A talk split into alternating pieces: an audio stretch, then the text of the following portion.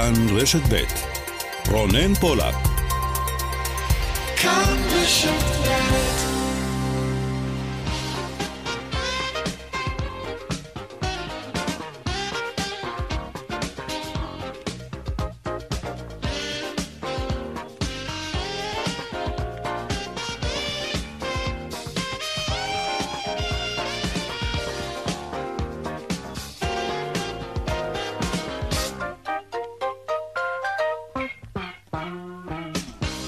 עכשיו, ארבע ועוד חמש דקות וחצי, צבע הכסף, התוכנית הכלכלית כאן ברשת ב', שלום לכם, שבוע טוב. מכירים את מכונות המשחק האלו שעובדות על אסימונים? אז במשחקייה הזאת שיש לנו לא רחוק מהבית, החליטו לאחרונה להחליף את השיטה. מעתה אין יותר אסימונים, אין גם קופוני זכייה שיוצאים מהמכונה. מה יש במקום? כרטיס נטען. לכאורה שיטה חדשנית שמתכתבת עם הטכנולוגיה המתפתחת. אלא שאת הילדים שלי, כמו גם את שאר הילדים שפגשנו שם, השיטה החדשה, איך לומר, פחות ריגשה. חמש דקות של משחק הספיקו להם כדי לרצות לעזוב את המקום. זה כבר לא מעניין, הם אמרו. כן, הילדים שלי הבינו מה שהבעלים של העסק לא השכיל להבין, שעם כל הכבוד לכרטיס הניתן החדש, הוא לעולם לא יצליח להחליף את רשרוש המטבעות. תשאל מדוע?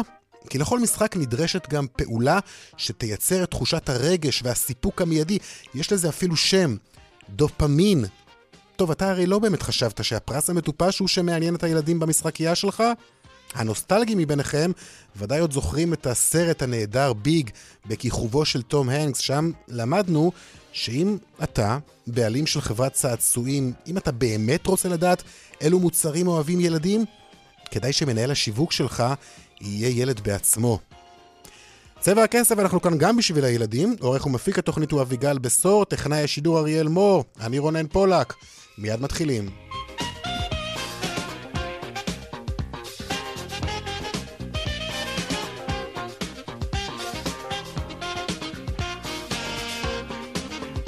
עוד רגע נהיה עם אה, כל ענייני הכלכלה, אבל קודם לשדרות, תושבים דיווחו שם על פיצוץ. במה מדובר? אסף פוזיילוב כתבנו בדרום, שלום.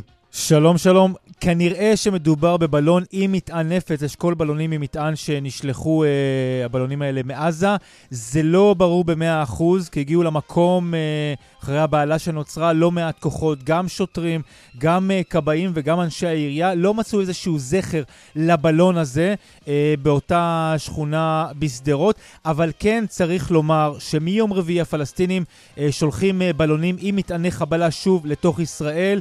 אה, ביום אה, רביעי, חמישי, שישי, גם אתמול נשמעו כמה פיצוצים אה, באזור אה, עוטף עזה בגלל בלונים עם מטענים עליהם. אתמול בערב נמצא אשכול עם מטען בשדרות. עליו, וגם אחד אחר שהתפוצץ ליד קיבוץ נירים. אז האווירה מאוד מתוחה, במקרה הזה הפיצוץ נשמע כנראה מדובר בבלון, אבל אין הוכחות בשטח לדבר הזה. אסף, תודה. תודה. עכשיו, ענייני כלכלה, נדל"ן. רשות המיסים עדכנה את גובה מדרגות מס הרכישה המשולם על רכישת דירות. שלום לך ליאל קייזר, כתבת הנדל"ן שלנו. שלום אה, רונן, אז כן, נבהיר, קודם כל שיעורי המס כמובן לא השתנו, רשות המיסים בעצם אה, מעדכנת את הסכום הנומינלי שעליו אה, נשלם מס, בגלל השינויים שחלו במדד, במדד בשנת 2019 שהסתיימה עכשיו, שינוי של כ-2% ו-8 עשיריות האחוז, ולכן המדרגות המעודכנות הן כאלה, הפטור ממס רכישה על דירה חדשה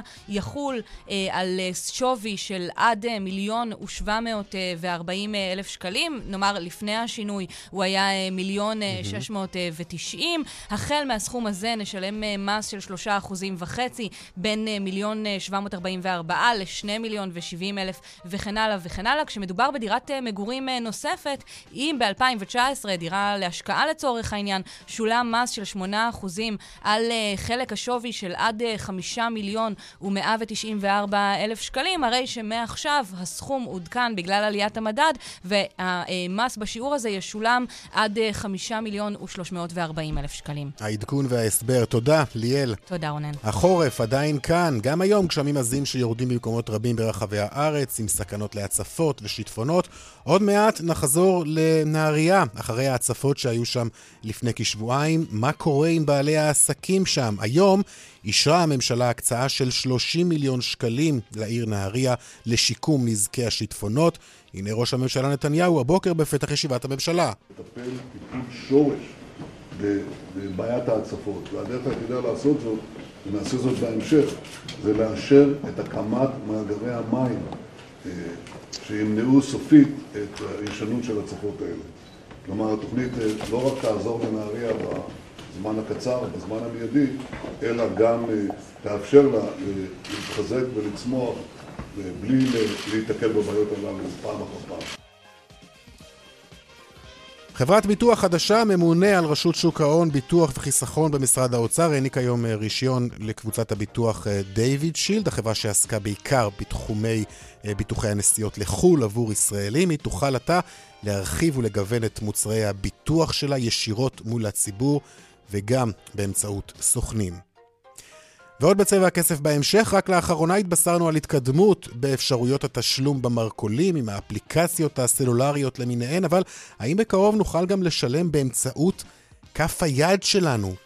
מה זה אומר בכלל? איך זה יעבוד? נשמע גם מלחיץ, נדבר על כך. וגם היום זהו יום הפופקורן הבינלאומי.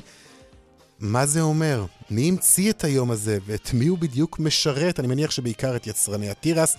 נדבר על כך, האם אנחנו זללני פופקורן ומה מיקומנו ביחס לשאר צרכני הפופקורן בעולם. ננסה לפצח את הסוגיה.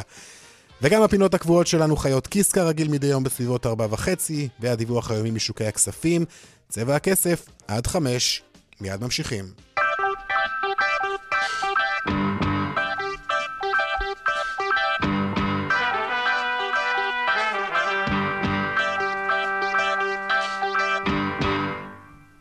עוד יום של הצפות ברחבי הארץ, ללא ספק חודש ינואר השנה שובר שיאים בכל המובנים, הרבה מאוד ימים גשומים, כמויות גדולות מאוד של מים, והרבה מאוד בעלי עסקים שעדיין לא מצליחים להתאושש מהנזקים שנגרמו להם. שלום לך, עמי רחמתי, בעלים של חנות נעליים בקניון ארנה בנהריה, שלום לך. שלום, מה נשמע? תודה. קודם כל לגבי הקניון, שחלקים גדולים ממנו הוצפו לפני אה, שבועיים ב... ההצפות הגדולות שם אה, בעיר. הקניון עדיין מושבת, ההערכה היא שהוא יהיה מושבת אה, עוד לפחות חמישה שבועות. להערכתך זה הזמן שזה ייקח? במקרה הטוב זה חמישה שבועות. זה מה שכרגע אמרו לנו, ככה בשביל להרגיע אותנו ובשביל להתפטר מאיתנו הסוחרים, אמרו לנו בינתיים חמישה שבועות. כשאני הולך למקום עצמו, אז הקבלנים שם אומרים שהם לא רואים אפילו אור בקצה המנהרה. וכרגע 90 בעלי עסקים. 90 בעלי עסקים. ארנה, כן, רק של קניון ארנה, שלא שייך לגעתון אפילו. כן. כולם באוויר כרגע, לא יודעים מה לעשות. אנשים שעובדים אצלנו בחנות, מתקשרים, שואלים מה קורה עם העבודה, לחפש עבודה אחרת, לא לחפש, יקבלו משכורת, לא יקבלו משכורת, כולם באוויר. בינתיים, כלומר, הקניון הזה מושבת, כל העסקים שבו כמובן מושבתים, זה אומר עובדים, זה אומר שאין, שאיש לא נכנס לשם. זה אומר שגם לא רחוק מכם, באמת בשדרות הגעתון, גם שם עסקים מושבתים, חנויות אה, סגורות. אה, אה, אלו נזקים שמה, ש... ש, ש, ש... תאר לי, איך זה נראה בעצם? אני, יש לי גם שתי חנויות חשמל ממש מול הקניון. אני יכול להגיד לך שאנחנו חזרנו לשגרה. אבל העיר ממש מושבתת. קודם כל, אנשים כולם בעיר, כולם בדיכאון, כולם בלי מצב רוח, בשביל בכלל לצאת ולעשות קניות או ליהנות. כל העיר, כל העיר בוץ, כל העיר מלוכלכת, כולם, אה, ממש כולם כרגע בהלם. אני אגיד לך, כל המצב התחיל מזה שכל התשתיות של הקניון אה, הלכו בגלל ההצפות של המים. Mm-hmm. כן. נכנס uh, כמות של מים גדולה ל... החניון קודם כל. כן. החניון התת-קרקעי. ואז זה עשה נזק בכל התשתיות של החשמל. בימים הקרובים הם uh, יוציאו את כל המים מהחניון, ואיך שמסיימים את כל המים, יתחילו לעבוד על התשתיות של החשמל. תגיד, ו... מישהו מדבר איתכם? שום מיש, דבר. מישהו כלום, אמור כלום. לפצות אתכם? פניתם למישהו? ה... התארגנתם בצורה כזאת? אתם הרי הרבה חנויות שם בקניון, גם התארגנתם בצורה כלשהי? יש את שולמן, שהוא באמת אה, איש מאוד יקר, שהוא עושה מאמץ ורוצה לעזור לבעלי העסקים. כן, לא, שול, שולמן זה לא באמת איש, אנחנו צריכים להבין. שולמן זה, זה, זה שהוא מושג ש, של עסקים קטנים, כן, משהו הוא- שמתאר את המצוקה של העסקים הקטנים בדרך כלל. זו התארגנות כזאת בפייסבוק שהחלה נכון, מחר גם יש. ישיבה בכנסת, גם כן. כן על הנושא הזה. נכון. עוד רגע אנחנו גם נדבר עם יושב ראש ועדת הכספים של הכנסת, אה, אה, חבר הכנסת גפני, ו- ו- ונשמע ממנו אולי מה לא יש לומר, אבל אני מנסה להבין, אה, למי פניתם בעצם? למי פנינו? קודם כל אין לנו יותר מדי למי לפנות. הדבר הראשון שאנחנו יכולים לפנות זה לחברות ביטוח, שייתנו לנו תשובה מה אנחנו יכולים לקבל פיצוי. וחברות הביטוח, כן, עמי? חברות הביטוח כרגע אומרים, רק אחרי שתחזרו לשגרה אנחנו נוכל לתת לכם תשובה מה תקבלו ומה לא תקבלו. מהמם. טוב, היום אה, החליטה אגב הממשלה להקצות 30 מיליון שקלים לטובת שיקום העיר נהריה. זה לטובת שיקום העיר, זה לא לטובת... אה, אתה אומר, אתה- העסקים. אתה לא תראה מזה כלום לדעתך? אני לא יודע, בינתיים הודיעו שנקבל חודש אחד ארנונה חינם. חודש 2,000 ארנונה. חינם. 2,000 שקל ארנונה קיבלנו חינם מתוך כל ההוצאות טוב, הגדולות. בסדר, ממילא אתם לא עובדים, אז מה יש לשלם ארנונה אם העסק סגור? נכון, אבל זה לא מספיק מעודד אותנו ה-2,000 שקל האלה לחודש כן. אחד בלבד, שאנחנו יודעים מראש שהקניון הולך להיות שלושה, ארבעה חודשים סגור כרגע. אוקיי. עמי רחמתי, בעלים של החנות. נעליים בקניון ארנה בנהריה. תודה רבה לך. כן. תודה ובהמשך להחלטת הממשלה היום, בוא נשמע דברים שאומר ראש העירייה, ראש עיריית נהריה, רונן אה, מרלי, אה, בעניין אה, 30 מיליון השקלים שיוקצו לעיר. אני שמח לבשר לכם שראש הממשלה התקשר אליי לפני מספר דקות ובישר לי שהחלטת הממשלה על סיוע חריג לעיר נהריה עברה.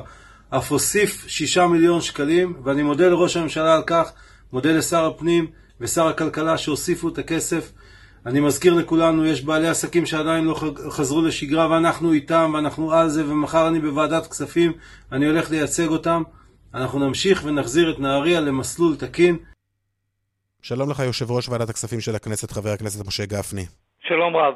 מחר דיון בוועדת הכספים של הכנסת. אה, צריך לומר בעצם, הוועדה היחידה כמדומני בכנסת, שאיכשהו עוד מתפקדת בכאוס הפרלמנטרי שבו אנחנו נמצאים כבר כמעט אה, שנה, נכון? כן, מאוד קשה לקיים ישיבה, מה שבימים רגילים הייתי מקיים מיד למחרת, אה, שהיה את השיטפונות בנהריה או במקומות אחרים. היום צריך ועדת הסכמות. זה, זה סיפור קשה, המציאות הזאת שבה אנחנו חיים.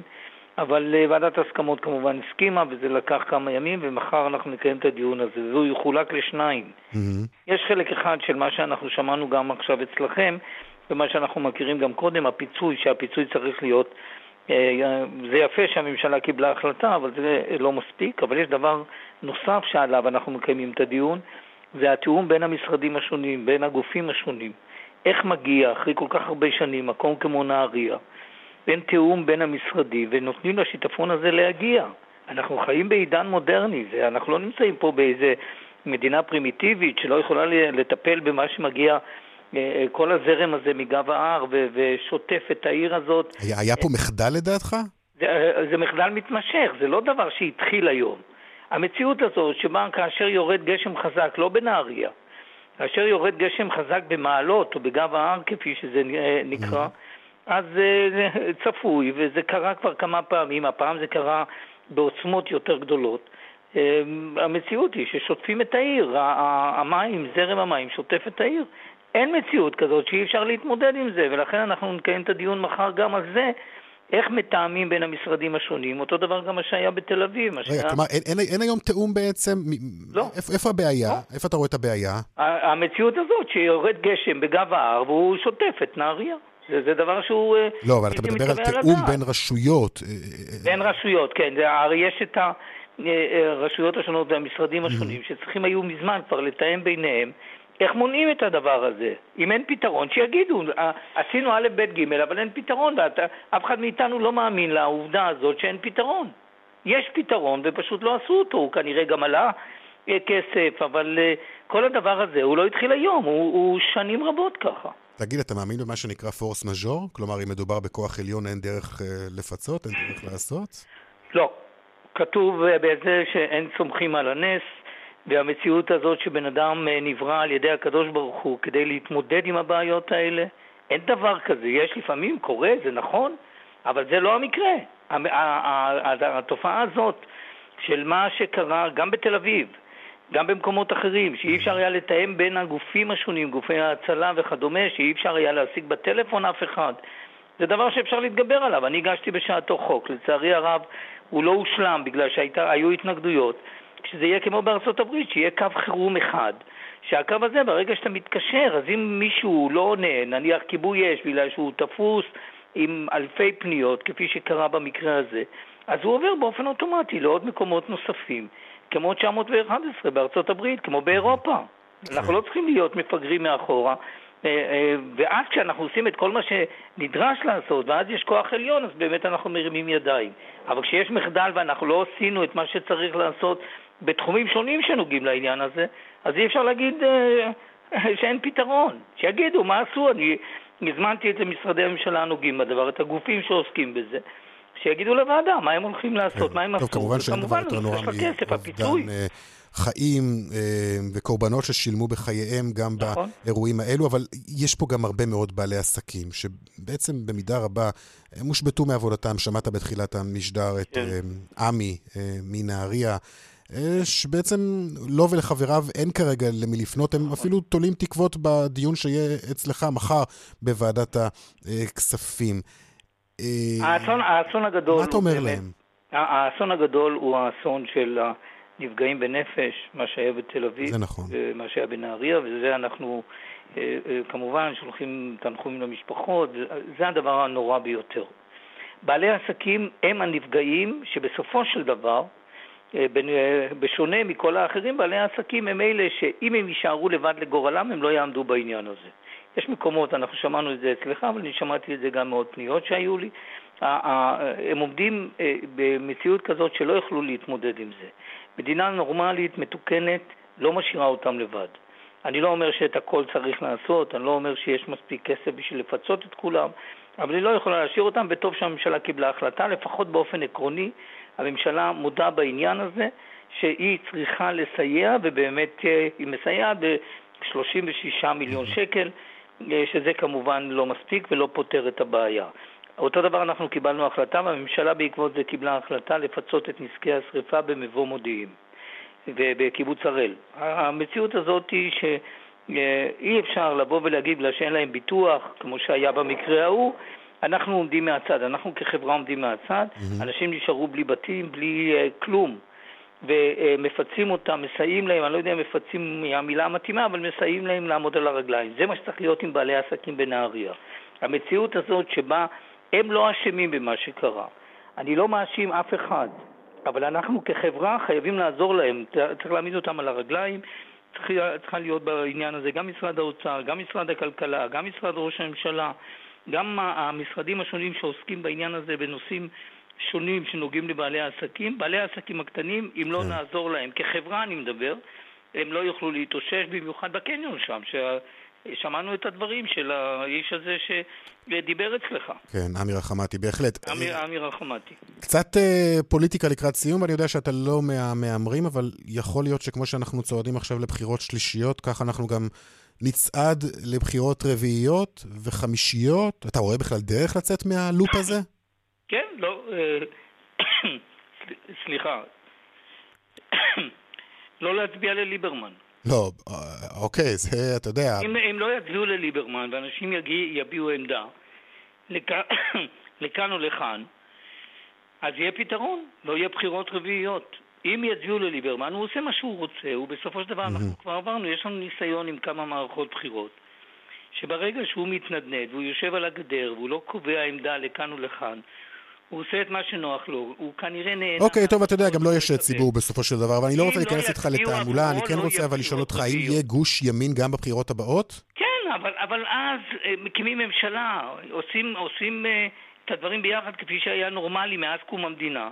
המציאות הזאת שבה אנחנו תלויים בגחמות של איש אחד, אה, אה, זאת מציאות שמביאה לנו בחירות אה, פעם אחר פעם אחר פעם. גם בפעם הקודמת אמר ליברמן שלא תהיינה בחירות שלישיות, הוא מתחייב על זה, והיה, וגם עכשיו הוא מתחייב שלא תהיינה בחירות רביעיות. אבל האזרח במדינה צריך למצב את עצמו, להגיד למי הוא מצביע, כמו שהיה תמיד. אוקיי. אה, לכחול לבן. אגב, אה, אתה יודע, שמעת שמחר בתל אביב יחנכו את גשר יהודית? הגשר שמוכר לך ודאי היטב? גשר שעורר את מלחמות השבת כאן לפני שנתיים, מאבקים לא פוליטיים. לא מלחמות השבת, אבל הוא היה דבר עלוב. שהיה מיותר לחלוטין, לא היה צריך לעשות את זה, היה אפשר לעשות את זה בתכנון מוקדם נורמלי, אבל אני לא רוצה להיכנס לעניין הזה בגלל שאולי אני אספק. בזה דלק לליברמן. שהוא לא עשה כלום בעניין, לא בעניין... אתה רוצה לברך על פתיחת הגשר הזה, כמובן. אגב, הוא מנכס לעצמו גם את חילולי השבת, גם זה לא נכון. אה, יכול להיות שקצת יותר קשה לך היום למפלגות החרדיות להתעקש בנושאים שקשורים בשמירת לא, אה, שבת? לא אה. קשור אליו, יש, יש בעיה חברתית במדינת ישראל. בעיה חברתית. אנחנו צריכים לדעת להתמודד איתה, אנחנו, כל החברה צריכה לדעת להתמודד איתה. האם הסטטוס קוו שהיה כל הזמן, האם הוא תקף היום, האם הוא נכון, האם צריך לשנות אותו, אבל אי אפשר לעשות את הדברים האלה רק בשלטי חוצות, אנחנו נגד מדינת הלכה. אני מעולם לא ביקשתי מדינת הלכה, אני גם לא מבקש את זה עכשיו. אני מבקש שיהיה, שתהיה אפשרות שנוכל לחיות יחד, שנהגים שלא רוצים לעבוד בשבת לא יעבדו בשבת, וכל מה שנלווה לעניין הזה. אנחנו חברה שיש בה הרבה מאוד אה, אה, עמדות, הרבה מאוד אה, אה אורח חיים שצריך להתחשב בו. בסופו של דבר, מה שעושה ליברמן, הוא מעצים אוקיי, טוב, סליחה שאתה אומר על פוליטיקה שעסקה בעיקר בליברמן. יושב ראש ועדת הכספים של הכנסת, חבר הכנסת משה גפני, תודה רבה לך. תודה רבה לך.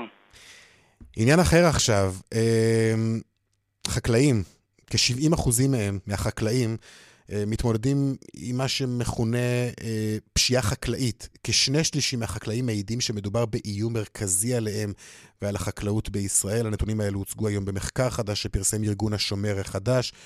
שלום לך, אורי ספיר, סמנכ"ל שטח אה, בשומר החדש. שלום, ערב טוב. תראה, גם ככה מקצוע החקלאות הולך ומצטמצם בשנים האחרונות. לצערנו, מקצוע שהדור הצעיר, כך נראה, פחות מתחבר אליו, גם אם האבא והסבא עסקו בעבודת האדמה. אה, תופעת הפשיעה החקלאית זו תופעה שמתגברת אה, גם היא? לצערי הרב כן, אה, ותרשה לי רק לחלוק על, על, על מה שאמרת קודם, הדור הצעיר מתחבר נהדר לחקלאות. הדור הצעיר פשוט צריך שמישהו ינגיש לו את זה, שמישהו יעזור לו. וזה חלק מהפעולות שאנחנו עושים אה, בשומר החדש.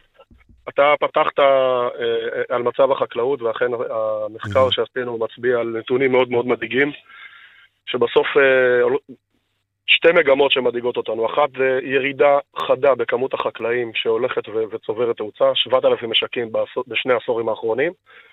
בנוסף לכך, כמו שציינת, 70% שסובלים מפשיעה חקלאית, ויש קשר מובהק בין הדברים האלה. אנחנו בשומר החדש בעיקר, רוב הזמן או רוב המשאבים שלנו, רוב המאמצים שלנו מופנים לסייע לאותם חקלאים, בעיקר בשני התחומים האלה, בשמירה על האדמות, בשמירה על השדות ובעבודה אה, חקלאית, בידיים עובדות, ובשביל זה אנחנו כרגע בעצם פונים אה, לעזרת הציבור. כן, עוד רגע נדבר גם על אה, הפנייה שלכם לאותו קמפיין של מימון המונים, אבל על אילו פשיעות, על אילו מקרי פשיעה אנחנו מדברים בעיקר, ואני תוהה גם עד כמה המשטרה מסייעת לחקלאים, כי, כי בסופו של דבר נדמה לי שזה תפקידה, לא? קודם כל המשטרה צריכה לשמור חוק בכל מקום, והמשטרה עושה מאמצים. אני אתן רק נתונים, זה בסוף תוכנית כלכלית. נכון.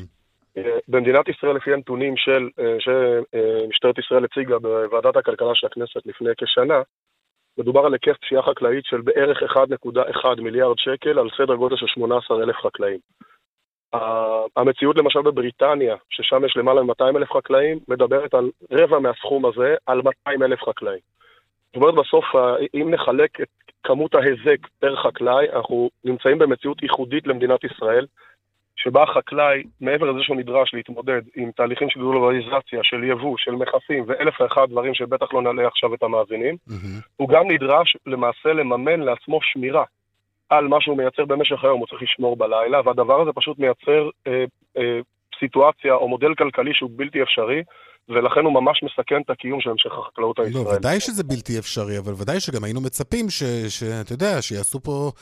אה, שיהיו כאן מספיק פעולות כדי שימנעו את זה. זה, זה לא גזירת גורל הרי בסופו של דבר. אה, זה, זה, ככה זה לפחות נשמע מהתיאור שלך, כאילו זו התמודדות שצריך להתמודד איתה כל חקלאי. 70 אחוזים, תשמע, זה נתונים מדהימים, באמת. אני... אני אין, אין, אין לי דרך להגדיר את זה בצורה, לייפות את זה בצורה אה, אה כזאת או אחרת. אלו פשוט נתונים ש, שאי אפשר לקבל אותם. גם לא יכול להיות, לא יכול להיות שחקלאי יימנע מלעסוק במקצוע הזה בגלל הפשיעה החקלאית. אני, אין לי אלא להסכים איתך, ולומר מעבר לכך, שהסיבה שהדבר הזה קורה היא ש... כל עסק יש לו יכולת להגן על עצמו, מספיק שאתה סוגר את הדלת ויצרת קושי. בסוף התוצרת החקלאית, הסחורה החקלאית, נמצאת בשדות, בצמוד לכבישים, בצמוד לדרכים, בצמוד למקומות היישוב, וכל מה שצריך לעשות כדי להתפרנס על חשבון החקלאי זה מה שנקרא הושט היד וגע בם. כל אחד יכול לקחת. Mm-hmm. מציאות כזו מחייבת את המדינה לנקוט בפעולות שיחמירו את האכיפה ויחמירו את הענישה על מי שמבצע פשיעה חקלאית, לא קורה? ולא להקל. זה לא קורה? לא מספיק. אני, אני חייב לומר שיש מגמות כאלה, יש דברים שמשתפרים, הולכים ומשתפרים. אגב, אנחנו, חלק גדול מהפעילות שלנו בסוף מכוונת לשם, לייצר קשר עם מקבלי ההחלטות, לייצר קשר בכנסת ועם משרדי הממשלה השונים, וכולם רוצים לעשות טוב. בסופו של דבר נדרשת כאן מנהיגות, וזה מה שחסר כרגע במדינה. Mm-hmm. אנחנו נמצאים. אוקיי. במצב ששנה אין לנו מפכ"ל משטרה, שמספר חודשים אין לנו שר חקלאות. עכשיו, זה משפיע על הרבה מאוד אנשים. בסוף בקצה, מי שסופג את מירב הנזק מהמציאות הבלתי אפשרות הישרית הזאת, של היעדר הנהגה בחוץ בשטח. אלו החקלאים, אתה אומר, כן. טוב, אוקיי, ולסיום רק אה, קמפיין שלכם, אה, של אדסטארט, מימון המונים, אה, שאתם אה, מבקשים אה, לגייס כן. כספים, נכון? אני, אני אומר את הדבר הבא. אה, בהיעדר הנהגה במדינת ישראל, וכמו שציינת, בסופו של דבר 120 חברי כנסת מבחינתנו קיבלו ציון נכשל ולא עושים את מה שהם צריכים לעשות כדי להגן על החקלאים.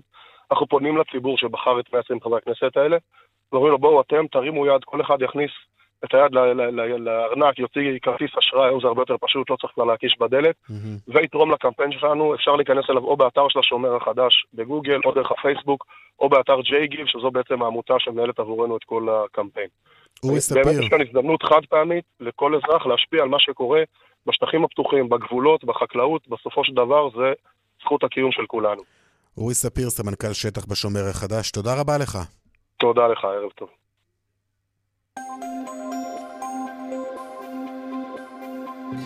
בדרך החוף, סמוך ליקום, עומס אה, לבאים משני הכיוונים בגלל תאונת דרכים. בדרך 6 צפונה, עמוס ממחלף עירון עד מחלף אליקים. דיווחים נוספים בכאן מוקד התנועה כוכבית 9550 ובאתר שלנו פרסומות עכשיו ומיד אחר כך חיות כיס.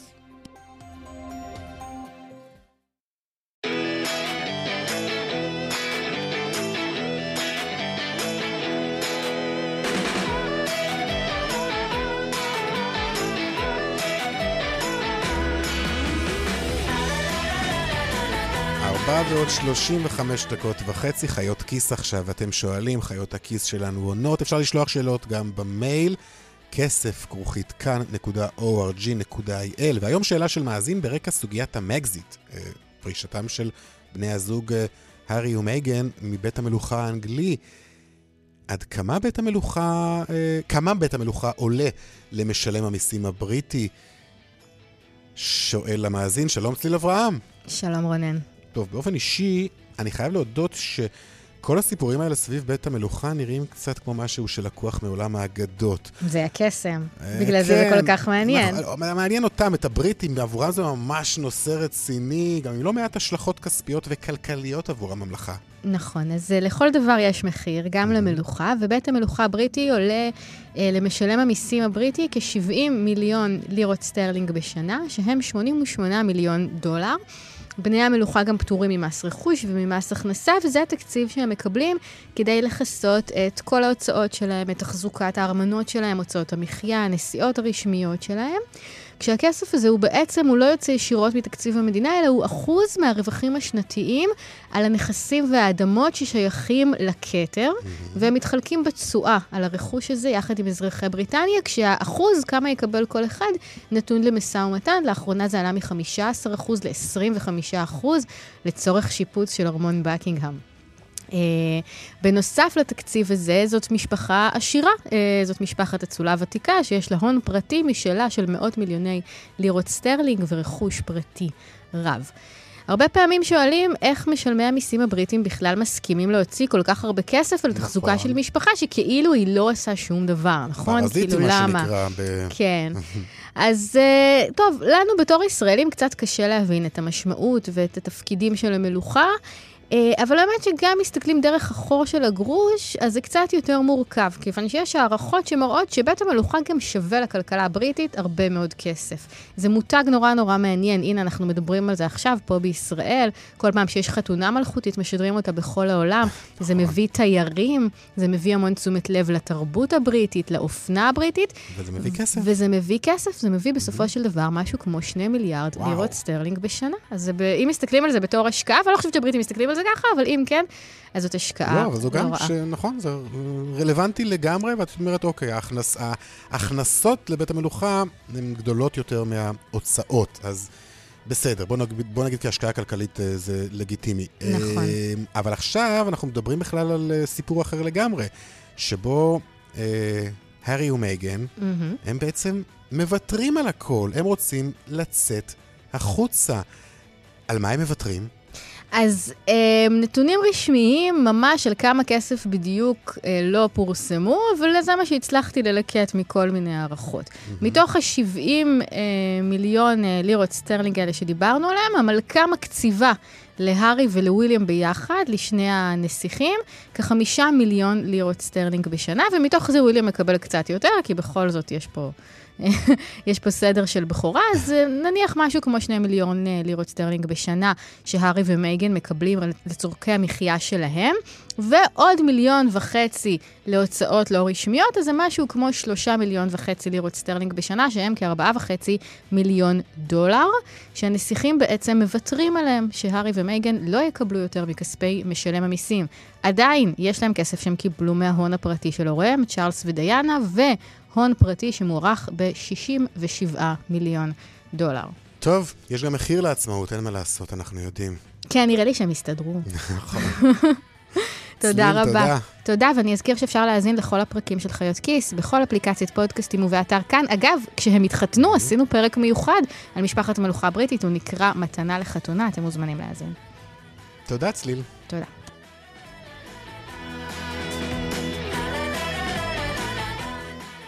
האם הולך ומתקרב לו היום שבו לא נצטרך ארנק, ואפילו לא כרטיס חכם או טלפון אה, חכם כדי לעבור בקופה בסופר?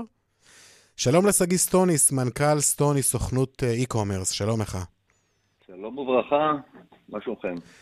אה, אנחנו בסדר, תודה. דיווח מעניין שאנחנו רואים בוול סטריט מבשר בעצם על הדור הבא של התשלומים בקופות, והפעם מדובר במה שאפשר לכנות תשלום בהינף יד. אה, זה מהלך שמקדמת אה, ענקית הקמעונאות אה, אמזון. אתה יודע להסביר לנו איך זה יעבוד? בסופו של יום הרי אנחנו יודעים שכף היד שלנו, אה, בעצם אה, קצות האצבעות שלנו אוחזות בעצם באיזשהו מידע חד-חד ערכי, משתמשים בו במשך שנים כדי לזהות את קציעות האצבעות. נכון. בדיוק. והיום התמונות יכולות כבר לייצר רזולוציה מספיק גבוהה, שבהינף כף היד הם יוכלו לזהות את טביעת האצבע שלנו, לסרוק את זה כמול, אל מול מאגר המידע שלהם, ולזהות אותנו בצורה חד-חד ערכית. אה, אז אז לא שצריך להשתיל לנו איזה צ'יפ ב- ביד, למרות שגם על זה דיברו בעבר. הפתרון הספציפי הזה לא מדבר על צ'יפים, אבל כן, גם על זה מדברים בעבר. אה, אני יודע שהיו פיילוטים בארצות הברית שעשו אה, בעצם ניסיונות על תשלום באמצעות זיהוי פנ- הפנים שלנו. אה, יש מגוון רחב של פתרונות ובעצם דרכים חדשים בתשלום. אנחנו רואים שהענקיות הגדולות, אמזון בראש- בראשן, מנסות להשתלט באמת על הארנק שלנו במגוון רחב של דר- דרכים. בוועידת הקמעונאות שתארך ביום ג', הוועידה שמידע כנסים עורכים, אנחנו נדבר על הנושאים האלה ונבין באמת את ההשפעות של אה, הכניסה של אמזון בשוק המקומי. משהו שצריך להדאיג להדאיג את חברות האשראי או שאר אפליקציות, אפליקציות התשלומים? אה, חד משמעית כן. אני חושב שבסופו של יום אנחנו רואים את הענקיות הבינלאומיות מסמנות בצורה עקבית שהן רוצות להיות אלה שינהלו את הארנק שלנו. הן רוצות את המידע הצרכני שאנחנו אה, לאו. דווקא, אם תסתכל על זה, אתה יכול לבוא ולראות שפייסבוק הכריזו לא מזמן על העובדה שהם רוצים כסף משלהם, ולפייפל כבר יש בעצם את הגוגל פיי, סליחה, לגוגל יש את הגוגל פיי שמאפשר לך לשלם, ולאמזון יש כבר אמצעי תשלום משל עצמם, ופייפל נכנסים לעולמות האלה, ואנחנו רואים בעצם שהעולם ממציא את עצמו מחדש בכל מה שקשור לתשלומים בעידן הדיגיטלי. מהמם. תחשוב שבמדינה כמו סין, גוף כמו סנאפצ'אט, השתלם השתלט לגמרי על כל הנושא של התשלומים הדיגיטליים שמתבצעים היום כמעט בעיקר דרך האפליקציה שלהם. מה, מה לגבי כל סוגיית הפרטיות? אה, כי החשש שלי בעצם, כשאני חושב על זה, יהיה מכך שאמזון אה, יכולה לדעת בכל רגע ורגע איפה אני נמצא, מה אני קונה. תשמע, זה לא משהו שהייתי רוצה. תשמע, אין ספק שסוגיית הפרטיות זה נושא שעולה אוקיי? אה, אני חושב בטח, שכל פעם שאנחנו... גם ככה כבר כולם יודעים עליך הכל, אל תחשוב שהם לא יודעים. אתה הולך עם הטלפון שלך וכל אחד יודע איפה אתה נמצא ומה אתה קונה ומה... זאת אומרת, עולם הדיגיטל הפך אותנו בעצם ליותר ויותר חשופים, כן. למעקב. לקטלוג ולפרסום מותאם. אה, ואני לא חושב שזה בהכרח דבר רע, כלומר, מה שאמור להטריד אותנו זה דווקא הזליגה של הפרטים שלנו, אוקיי, למקומות, אה, מה שנקרא, פליליים, ולאו דווקא פרסומיים. מה עוד צופן לנו העתיד אה, בתחום התשלומים? אני חושב שבעצם הנקודה שהעלינו פה, ועליה אנחנו מדברים, מסמנת את, העתיד. אה, זה העתיד, אתה אומר, בסופו של אני דבר. אני חושב שהיא מסמנת את הכיוון אליו אנחנו הולכים. בעצם מה הכיוון הזה? Mm-hmm. הכיוון הזה בא ומדבר על זמינות, על קלות בהזדהות, על קלות בתשלום. תחשוב בעצם כמה עצלנים אנחנו נעשים. מהמצב שבו אנחנו החלפנו את, הקט, את, ה, את, ה, בכלל את כל העולם הזה של כסף בכל מיני צ'קים, כרטיסי אשראי, אפליקציות, והיום אנחנו בעצם רוצים להיות מסוגלים רק להנהן או לסמן בקטנה mm. כדי להיות מסוגלים לשלם. אבל יש גם גופים רג, רגולטוריים שאמורים בסופו של דבר לפקח על כל זה, כי, כי אתה יודע, גם, גם היום כש, כש, כשחברה, כשאמזון, ענקית כמו אמזון, יכולה להשתלט בעצם על כל אמצעי התשלום שאנחנו מכירים, אמ, צריך פה מן הסתם גם איזשהו מנגנון פיקוח אה, על, על החברה הזאת, לא? חד משמעית, אני מניח שהרגולציה, מה זה מניח? אני יודע שהרגולציה עושה השקעות מטורפות כדי קודם כל להבין את הנושא הזה לעומקו, וגם כדי לשים עליו את המנגנונים הנכונים כדי לבקר וכדי להגביל.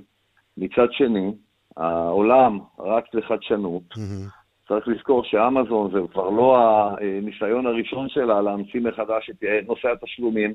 אה, לפני שנה בערך הם השיקו את אמזון גו, שזו חנות בעצם אוטונומית, כן. שמאפשרת ללקוח להיכנס, להזדהות באפליקציה, להוסיף מוצרים לסל שלו ולצאת, כשהוא רק בעצם uh, מאשר באפליקציה את התשלום, הוא לא צריך בעצם להעביר את המוצרים okay. אוקיי. שלו אצל קופאי ושום דבר אחר. בסין אנחנו גם רואים uh, מודלים כאלה של קבוצת עלי, עליבאבא, אוקיי, הולכים ומושקים. זאת אומרת, אין ספק שהרגולציה, אוקיי, בדיוק כמו אה, אה, האתגרים שהיו לה עם המצאת הטלפון, הווידאו, האינטרנט, גם אה, עבור התקופה הזאת היא מאתגרת, אה, גם כן. נושא התשלומים, שגיא סטוניס, מנכ"ל סטוניס, סוכנות e-commerce, הזכרת גם את הוועידה, ועידת ישראל לקמעונאות מבית מידע וכנסים בשיתוף סינרגיה גרופ, גם זה יהיה השבוע. תודה רבה לך. נשמח לראות אתכם שם, שבוע טוב. עכשיו, טוב, ידעתם שהיום זהו יום הפופקורן הבינלאומי? Mm. טוב, אז עכשיו אחרי שאתם יודעים, תודו שמדובר בפריט מידע שכנראה לא ממש ישנה עבורכם דבר. שלום לפנינה לזר, מנהלת תחום חטיפים מלוכים בליימן שליסל. שלום, שלום. טוב, קודם כל בואי נסיר את זה מהשולחן. אין באמת צורך של ממש ביום בינלאומי לפופקורן, נכון? אה, יכול להיות, אבל אנחנו... גימיק של... אוקיי, בוא נסכם שזה גימיק של יצרניות, של יצרני הטירס. נחמד בכל נכון. החיים הסוערים שלנו. אנחנו צרכנים גדולים של אה, פופקורן? יחסית uh, למספר האוכלוסייה בישראל, כן, אנחנו יחסית צרכנים גדולים מול העולם. אה, אנחנו צרכנים גדולים בעיקר של פופקורן להכנה במיקרוגל. Mm, אני זוכר עוד את הימים שהיינו מכניסים את אה, גרעיני התירס לסיר גדול עם שמן, נכון. ושם הייתה מתרחשת לה אה, חגיגה של ממש של פיצוצים כאלו. היום זה בעיקר משימה ששמורה למיקרוגל? כן, בהחלט. התהליך החל לפני כ-25 שנה, המעבר הזה מגרעיני תירס בסיר לפופקורן בהכנה במיקרוגל. Mm-hmm. זה די הגביל לכניסת ה... ולחדירת המיקרוגלים לבתים אה, בישראל. המעבר הזה היה מהיר מאוד. אה, אני חושבת שזה בעצם אה, מראה שאנחנו צרכנים שאוהבים את הנוחות, את הקלות. כן, כמו בכל דבר, הרגע דיברנו על זה גם כן לגבי אפליקציות התשלומים. תגידי, זה מוצר עם סימון אדום? זה מוצר עם סימון אדום. אנחנו מדברים פה על חטיף, חטיף מלוח, שיש לו נתרן ויש בו שומן. אה, אנחנו עשינו מהלך, אה, יש לנו גם מוצרים שפותחו שהם אה, מופחתי שומן, אז אבל... זה- זה- המוצר- הרפורמה הזאת, אנחנו מדברים על רפורמת המדבקות האדומות, ואת אחראית על החטיפים המלוכים שם בחברה. זה אומר מדבקות אדומות עם סימון נתרן בכמות גבוהה מן הסתם. אתם באמת שיניתם משהו במוצרים שלכם כדי לחמוק מהמדבקה הזאת, או שאמרתם, אז, כל אחד צריך לדעת, אז- חטיף, יש בו גם דברים פחות טובים. אז א', אנחנו יבואנים, וכיבואנים אנחנו כמובן עדכנו את, ה, את היצרנים ואת הספקים שלנו. לא בכל דבר אה, הצלחנו ושינינו. אנחנו צריכים לזכור בהחלט שמדובר פה בחטיפים. חטיפים, הצרכן, אה, כשצורך אותם, בעצם מחפש... הוא צריך את, לדעת שזה לא חסה. הפינוק שלו. מחפש את מנת הפינוק שלו, הוא אוהב אותם טעימים, הוא אוהב אותם מלוכים. אה, איפה שאפשר היה, הפחתנו, ואיפה שלא, אה, שמרנו על המוצר שהוא בעצם מוצר מנצח. זה צעד שלהערכתכם אה, ישנה משהו ב- בצריכת החטיפים עבור צרכנים? בשלב הזה קשה לומר, אנחנו שבועיים ברגולציה. אה, אני- יש איזושהי הערכה שהצרכן בסוף, כשמדובר בחטיפים, גם מתוקים וגם מלוכים, בסופו של דבר מודע אה, למה שהוא צורך וימשיך לצרוך את המוצרים, אבל מאוד מאוד מוקדם אה, להעריך. פנינה לזר, מנהלת תחום חטיפים מלוכים בליימן שליסל, תודה רבה לך. יום פופקורן. שמח. שמחות, תודה רבה לך. תודה. דיווחי תנועה, בגאה דרומה עמוס ממחלף מורשה עד מחלף גנות, צפונה ממחלף השיבה עד מורשה, באיילון דרומה עמוס ממחלף רוקח עד לגוארדיה וממחלף וולפסון עד דוב הוז. צפונה ממחלף חולון וקיבוץ גלויות עד רוקח. דיווחים נוספים בכאן מוקד התנועה, כוכבית 9550, ובאתר שלנו פרסומות עכשיו, ומיד אחר כך נדבר על אה, תל אביב ועל אה, כמה שהיא יקרה.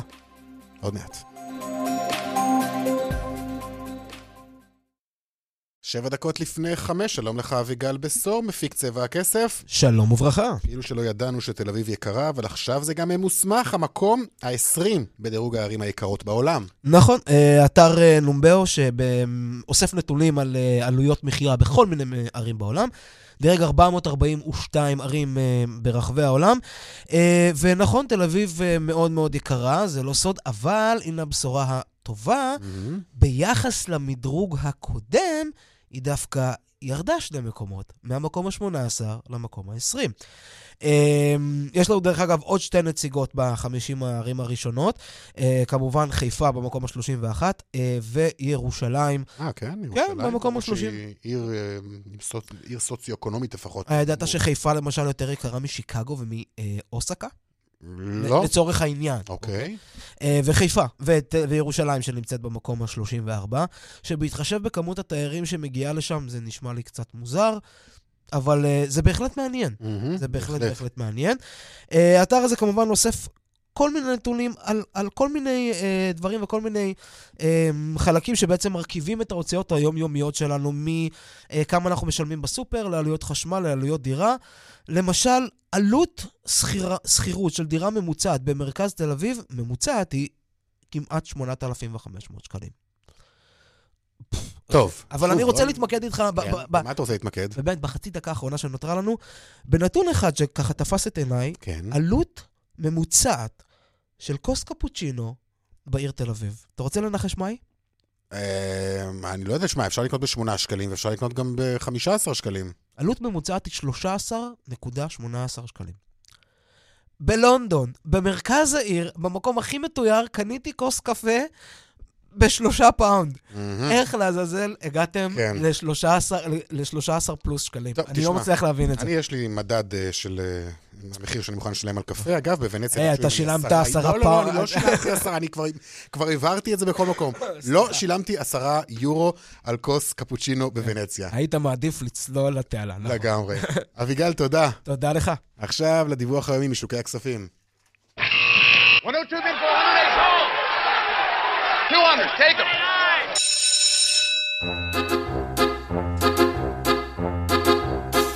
שלום רונן מנחם, כלכלן ראשי, מזרחי טפחות. שלום רונן, מה שלומך? תודה. מה הכסף שלנו עשה היום? יום ראשון. אה, פתח השבוע ברגל ימין, אה, מדד תל אביב 35 עלה 0.43 אחוז לפי של כל הזמנים. שוק המניות אה, בארצות הברית עלה אחוז ושתי עשיריות בסוף השבוע ונתן רוח גבית לשוק המקומי. בלטו לטובה מדדי התשתיות, האנרגיה והנדל"ן שעלו כל אחד כאחוז, מנגד חברות הנפט והגז איבדו כאחוז אחד ושתי עשיריות. היום ראינו במיוחד את טרם ירידה של כחמישה אחוזים ומנגד נייס עלתה שישה אחוזים בעקבות פערי ארביטראז' mm-hmm. ראינו את שיכון ובינוי שעולה כארבעה אחוזים לאחר שעוד נמסר שהיא תהיה קבלן ראשי של קמפוס דיסקונט בראשון לציון וראינו את ישראכרט בעלייה של שלושה וחצי אחוזים בעקבות דיווח על התעניינות של קרן בלקסטון העולמית. אציין שבשוק האג"ח לא היה עם שינוי של ממש ולסיום, ביום שישי נקבע שער יציג אה, שקל דולר, שלושה שקלים 45 אגורות וארבע עשיריות. עד כאן, ערב טוב. תודה, רונן מנחם. עד כאן, צבע הכסף ליום ראשון, ערך והפיק אביגל בסור, טכנאי השידור אריאל מור. אני רונן פולק, תודה לכם על ההאזנה. מיד אחרינו כאן הערב עם רן בנימיני ויגאל גואטה. ערב טוב שיהיה לכם, סעו בזהירות. להתראות.